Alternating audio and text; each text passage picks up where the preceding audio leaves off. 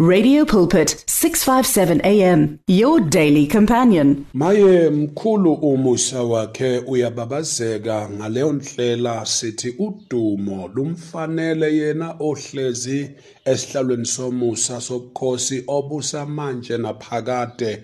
Ngaleyo ndlela ngiyakubingelela kuphi nakuphi lapho ofinyelelwa yilo msakazo uradio pulpit owuthanda kakhulu. Sibonga uNkulunkulu uphinde wasihlanganisa uphinde wasisiza ukuthi sibe khona kule ndawo. Sithi ke ngaleyo ndlela sisangena noma phila ukuhleli khona kungenzeka. You still not feeling well we pray and trust the lord touches you in your situation. He touches you in your circumstances because the word says, Greater is He that is in us than the one that is in the world. Ngaleyo ndlela ke yamkela ukuphila ngegama lika Jesu Kristu, inkosi nomsindisi wethu obusa manje naphakade. Amen. Siyambonga uNkulunkulu ke bangcwele. Namuhla ke singena ngesihloko sethu esithi rekindle the lost love in your marriage. Rekindle the lost love in your marriage. Ukuphemba noma ukuvuselela kabusha uthando lwethu olulahlekileyo emshadweni. Kungenzeka sikhuluma nabantu abathi ngihleli kulomshado ayisekho into engiyihlalele. Uma ngabe bengithi ngizobe ngihleli ngiyobe ngihlaliswe ukuthi nginabantwana ngoba nakho ngisaba ukuthi ngishiye umyeni wami ngishiye unkosikazi wami ngenxa yezingane. Noma sengihleli nje ngezizathu zami noma ngingasaqondi kahle ukuthi ke ngothi konakelephi ngoba kuningi engikwenzile ngizama nokho ukuthi ngakhe lo mshado. Kodwa kubukeka sengathi konke engikwenzayo kunhlanga simuka nomoya. Ngamanye amagama i have put all the efforts to make this work but things don't seem too good for me to actually say i still need this marriage. Maybe you are that person who feels you know we had it when it all started. We we have been married for a while but now things are not working out things are not turning out the way they used to be and i am very disappointed that it has to come to this. Angisazi manje ukuthi ikuphi engingakuthatha ngikuhlanganise nani? Fundisi ngixakiwe nje ukuhlala nalo mama ngixakiwe ukuhlala nalo baba. Eh sengicabangela nje abantwana ukuthi hey angifisi abantwana bami. Bakhule bakhule kunganababa bakhule kunganamama. Nayi into engibambile kodwa kunye nokunye asisa asisazwana. Kukho la sihlangana khona sikhulume kukhulumeke sixoxe kuxoxeke sihleke kuhlekeke. Abusekho ubumnandi akusekho sihlala silwa sikhuluma nabantu abanjalo bathi siyalwa. Uma uma sithi siyakhuluma imindeni izamile ukuhlangana isibonise. Ikhulume nathi izama ukuseluleka sesikhulumile nabantu abangosiyazi ukuthi basisiza kanjani ukuthi ke sibuyise uthando olulahlekile emshadweni wethu. Siyaliphemba ke to rekindle. It is to start fire. It is to cause fire to burn. It is what we are saying right now that we want to see that spark ekhona. Umunye umhlabelele ngokukhumbula kudala esasiuhlabelele ecilongweni levangeli uthi ikhona kumbe inhlasana efihlwe khona emlotheni. Uthi ke ivuthise nkosi uJesu yeza ukuphoswa emhlabeni. I'm saying the same words into your marriage into your lives ukuthi uNkulunkulu makaphembe aphonse kuyo leyo nhlasana efihlwe khona emlotheni. Akusikho ukuthi kuphelile ngaleyo ndlela esicabanga ngayo. Kanti ke our proof text esizobeke sigijima ngayo lapha ya ithi ke encwadini yabasekorinte bokuqala chapter 13 verse number 8 this is just to remind those who say i don't feel love anymore I don't think I love my wife the way I used to love her. I don't think I love my husband the way I felt, you know, about him. We would write poems, we would write songs, or we would listen to songs and poems. You know, we would do a lot of stuff together, but now we have gone separate ways and everybody is doing his or her own thing at their own time. We no longer meet the way we used to meet. No, no more intimacy in our bed. It's just a boring life. Uh, you know, it's just that situation. It's a mountain to climb. So ke nawo amazwi esiwatholayo siwafunda ke kule translation eh iTPT ithi love never stops loving uthando aluphezi ukuthanda. It extends beyond the gift of prophecy. Lithi luyadlulela ngaleya kwesipho sokuprofetha which eventually fades away. Ekuhambeni ke bese isiphiwo sokuprofetha siphele. And then lithi ke it is more enduring than tongues. Luyabekezela ukwedlula izilimi which will one day fall silent. Okuyohamba ngelinye ilanga bese ziyathula noma ziyanqanyulwa. Love remains long after words of knowledge are forgotten. Lithi ke luyedlula even nesiphiwo se word of knowledge. Lithi uthando liyema beyond or even after the, the, the, the knowledge of, uh, of words of knowledge are forgotten. Luyema ke bazalwane. That's what it says here. La esifunda khona. Kanti ke ithi ngesizulu uthando alusoze lwaphela. We thank god for that. Kepha nokuba kukhona ukuprofetha kuyakukhawuka nokuba kuyizilimi ziyakunqamuka nokuba kungukwazi kuyakukhawuka. So sithi yini kahle hle eqhubekile uma izwi lenkosi lithi love will never cease or love will never end that love will just go on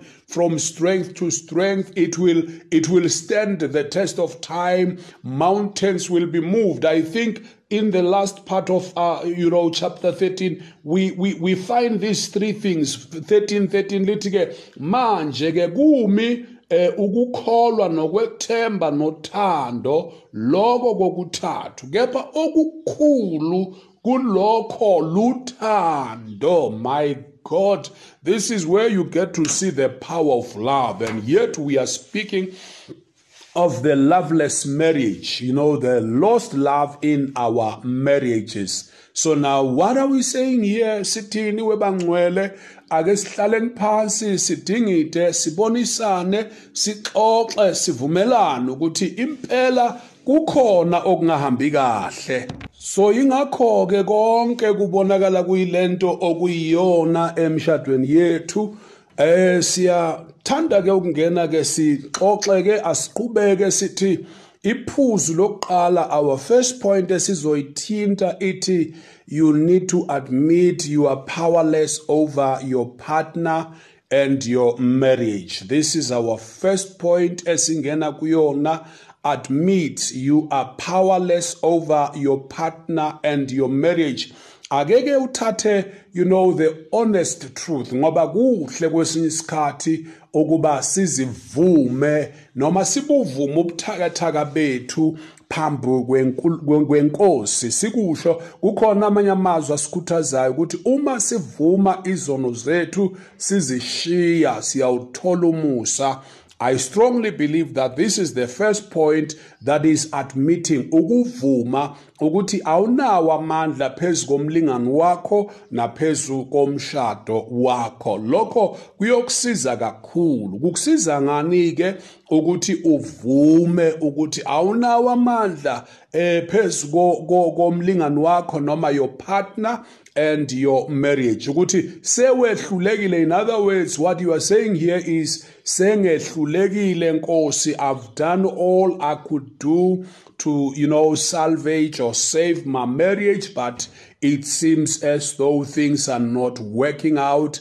They have they are not turning out to be what i really intend to see. So sithi ke lapha have you sought and tried to change things about your spouse?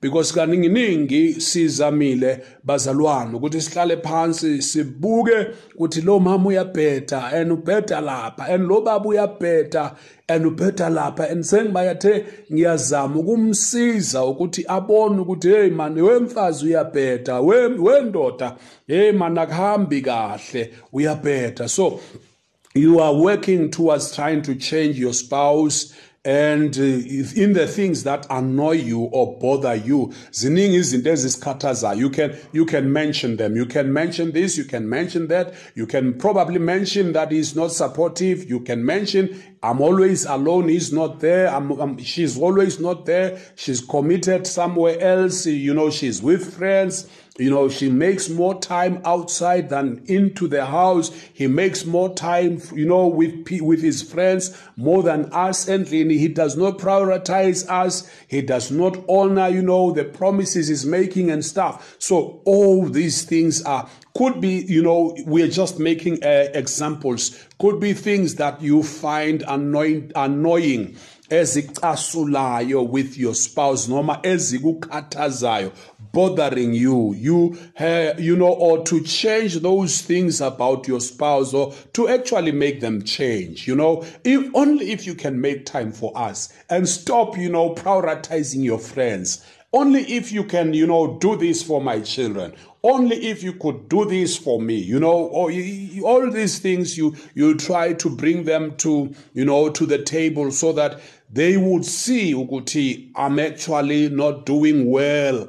And things that you consider undesirable ezingathandeki. So uh, the bottom line is have you been successful in all these because ingakho sithi lapha you need to actually admit that you are powerless over your spouse and your marriage. So if you really did all you can do but still unable to succeed then there's always a question. And one man would always say, How has that worked for you? Did you find any progress in what you did? I'm certain that you never made any progress, but rather it was disappointment after disappointment because you sat down to talk but still without any success. Imtshelile i'm not that person othulile and angazi why aqhubeka enza kanje ngoba yonke into engayithandi ngiyakhuluma. Angithi basho bathi emshadweni funeke sibofunda ukukhuluma singabothula because the moment uthula these things they pack and pack and pack and end up you know reaching a boiling point and then at the end of it you lose it. You completely boil out. So if things never worked out uh, in trying to change your spouse or the marriage that seems not to work, then you are actually not making any positive progress, even though you want to make the relationship healthier, happier, and better. Esikushoyo lapha ukuthi ke noma usuzamile ke konke lokhu okuzamile ukushintsha noma ukukhulumisana nespouse sakho ngezinto ocabanga ukuthi ziaffect umshado and still you are not making any progress aniphumeleli kuyo yonke imizamo yenu ukuba nomshado onempilo onentokozo futhi ongcono kakhulu. So ke sithini ke uma sesiqhubeka ngoba phela iBhayibheli lithi lapha uthando alusoze lwaphela. Kepha kunokuba ukuprofeta kunokuba eh, kukhona ukuprofeta kuyawukhawuka. The things that we you know desire the things that we worship the most we are told they shall come to an end and and you know speaking in tongues and so forth they will also cease. And the bible says even the gift of word of knowledge will come you know to cease at, at some point. So what then do we do? Because we need to actually know what can we really do. So the first step to restoring your loveless marriage is admitting you cannot manage your spouse or your marital problems on your own. Sithini ke lapha? Sizama ke manje sibuyele ekuthenini ke angeke umphathe umyeni wakho ngeke umphathe unkosikazi wakho. Ngisho kwaneyinkinga onazo uzibambele wena mathupha ngokwakho. Ngamanye amagama you can do all you can do but you'll still remain unsuccessful in all what you are trying to put up in order to make umshado wakho ukuthi usebenze. Awuze usebenza umshado ngoba sewuzibambele wena mathupha ngoba sewuphume wena waqondisa igwegwe wakhuluma wasola wakhomba washo konke wazama ukuyimela ukuthi eh uma eh kuthiwa elokishini ixoxo nexoxo liyazixhumela. So i had to you know take all matters into my hands because if i don't do that i will lose my husband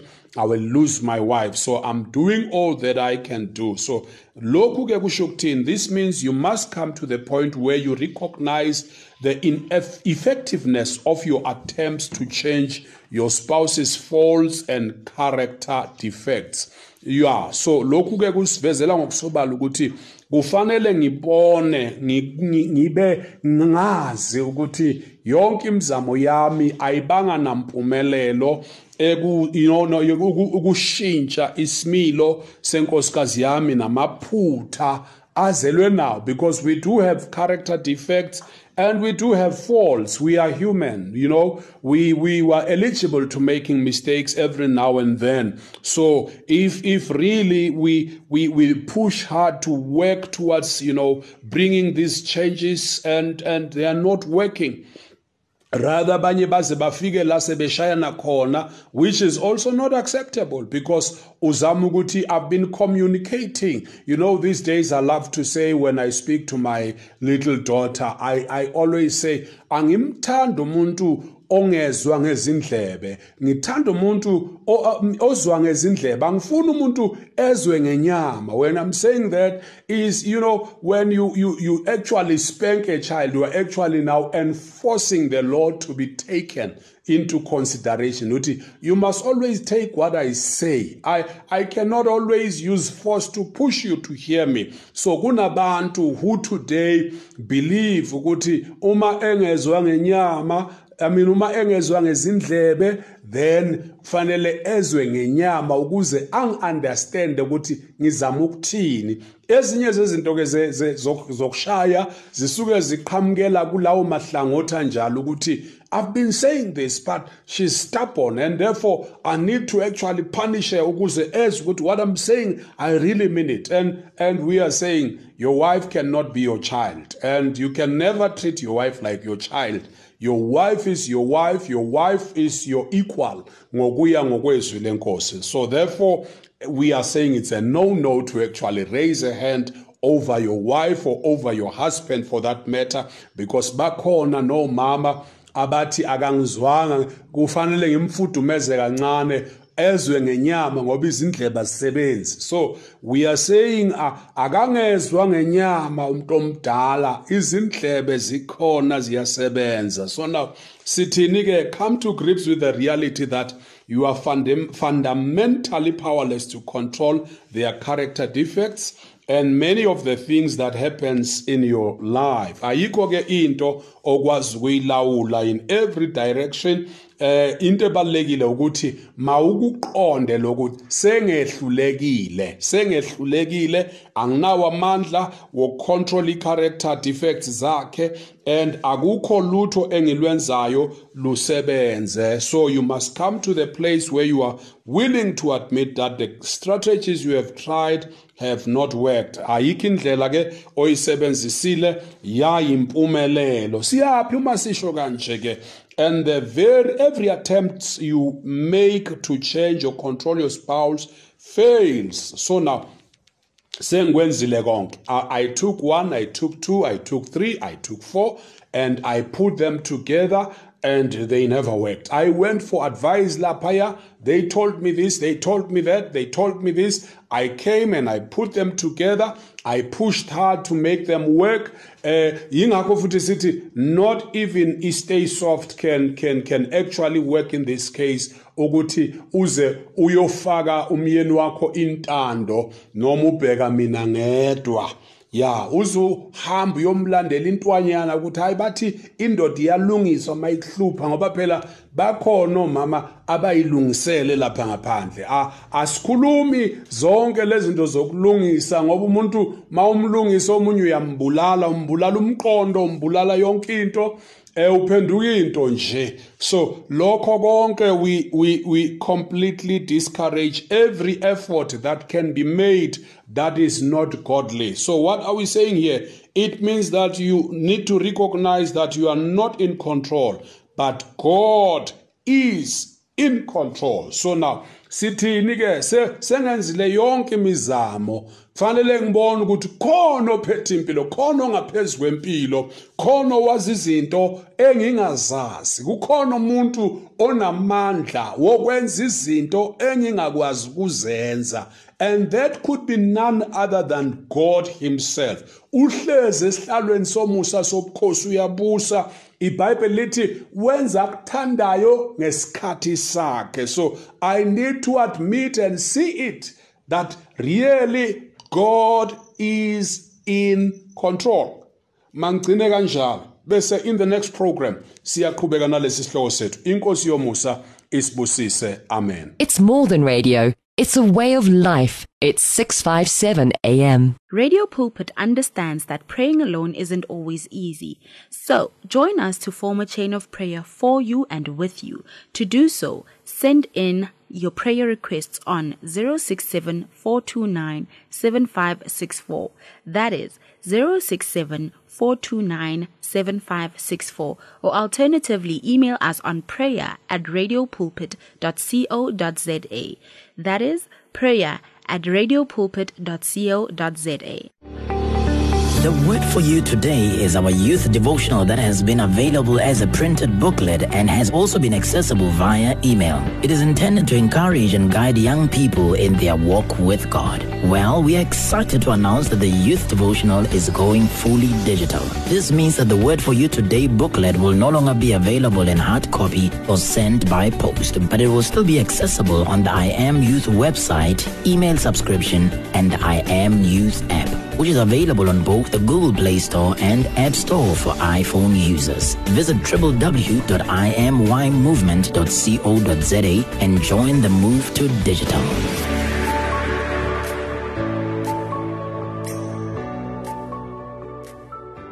You and 657 AM and life, a winning team on the road to eternity.